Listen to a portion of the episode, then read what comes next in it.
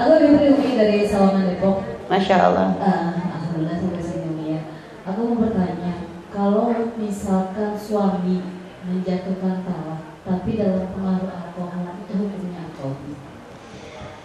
Dalam pengaruh alkohol bu ya. Jadi mengingat menjatuhkan talak, main-mainnya jadi, sungguh-sungguhnya jadi, main-mainnya jadi.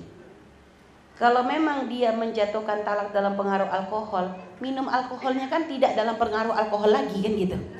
Aslinya dia meminum alkohol kan kemauannya dia. Jadi sehingga ketika dia mengucapkan talak gara-gara itu jatuh. Jatuh ibu. Ya walaupun tidak sadar tapi minumnya dia sadar. Itu loh.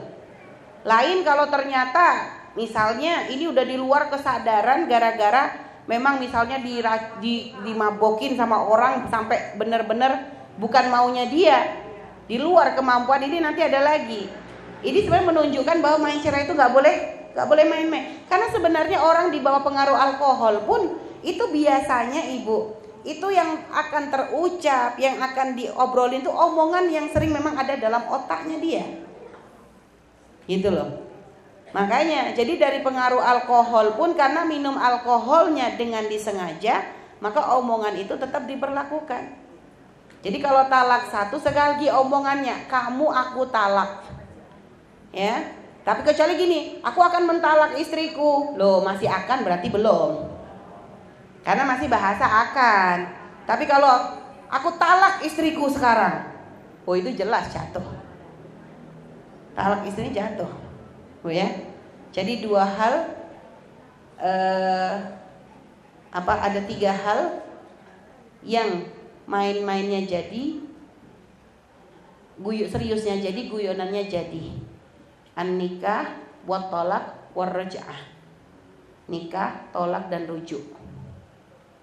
Itu tiga hal yang pasti jadi baik serius ataupun main-main. Makanya jangan gampang-gampang ngomong talak dan ibu juga, kami ingatkan. Jadi ibu tuh jangan gampang mancing-mancing talak. Ribut sama suami dikit, udah deh ceraiin aja aku. Dicerai beneran nangis. Banyak perempuan gitu tuh, dikit-dikit ngancam suaminya cerai. Ada nggak bu? Aku tahu begini, aku gak mau nikah sama kamu. Akhirnya dibalikin, ya sudah kau aku balikin. Stres. Nah ini cari masalah. Kalau lagi suami marah, jangan dikomporin. Ibu tuh kalau lagi suami marah menjauh aja. Kan Umi pernah cerita, ada seorang istri tuh punya suami keras, masya Allah, keras banget. Sampai lama nikah tuh kok istri suaminya jadi berubah, jadi berubah lembut. Akhirnya ditanya, apa sih resepnya? Jadi rupanya apa bu? Setiap suaminya marah, dia tuh diem nggak jawab, diem aja sudah. Sampai orang marah tuh kalau nggak ada lawan kan capek. Orang marah tuh kenapa sih terpacu? Kitanya ikutan marah, jadi dia tambah panas. Coba dia marah, kita diem aja, tonton aja tuh wajahnya. Gak usah pakai ekspresi. Ekspresi datar aja sudah, lihat aja kayak kita nonton apa gitu gitu. Nonton wayang golek kayak apa, nonton gue tonton aja. Lama-lama salah tingkah sendiri bu. Pasti dia langsung berhenti sendiri tuh. Nanti, nah akhirnya apa? Dia ngomong gitu. Jadi begitu suami marah dia diem, nggak jawab. Nanti kalau sudah suaminya kecapean, dia nanya, udah selesai marahnya. Kalau suaminya bilang udah selesai, dia tinggal ke dapur. Sakit hati, kata kamu gak sakit sakit hati katanya. Terus gimana? Ya kalau dilampiasin ke suami tambah parah. Jadi apa? Dia pergi ke dapur, dia nyuci piring, nyuci baju, pelampiasannya ke situ. Nyuci bajunya tuh kenceng. Anggap kayak ngeremes-ngeremes suami di dapur.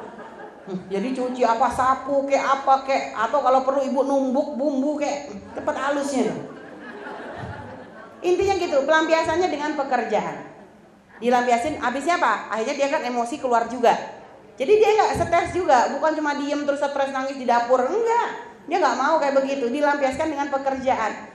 Akhirnya setelah selesai, dia sudah mulai tenang, enak, dia bikin minuman sirup untuk suaminya minuman kesukaan diantar. Nih, tadi kan marah-marah capek minum.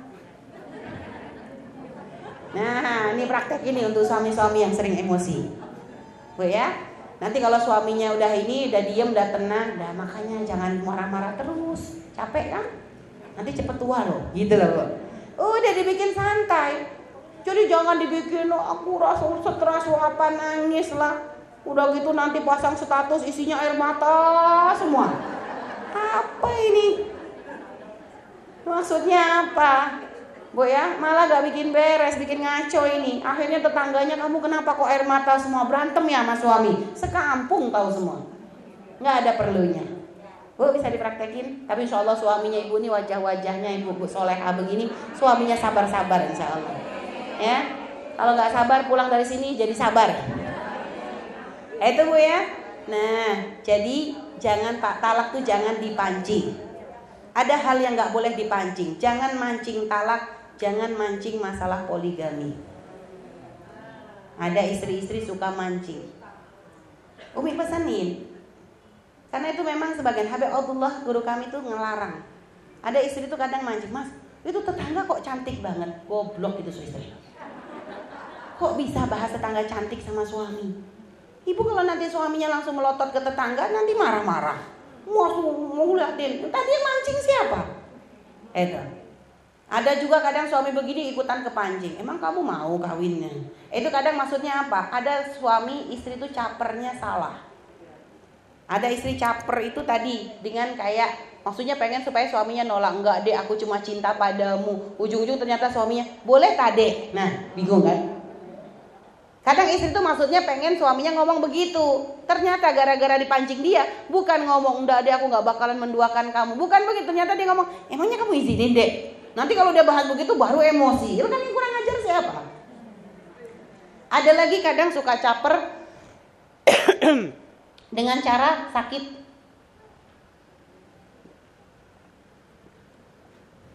Pura-pura sakit. Jadi kalau depan suami itu kayak lemah, melemah, melemah tuh.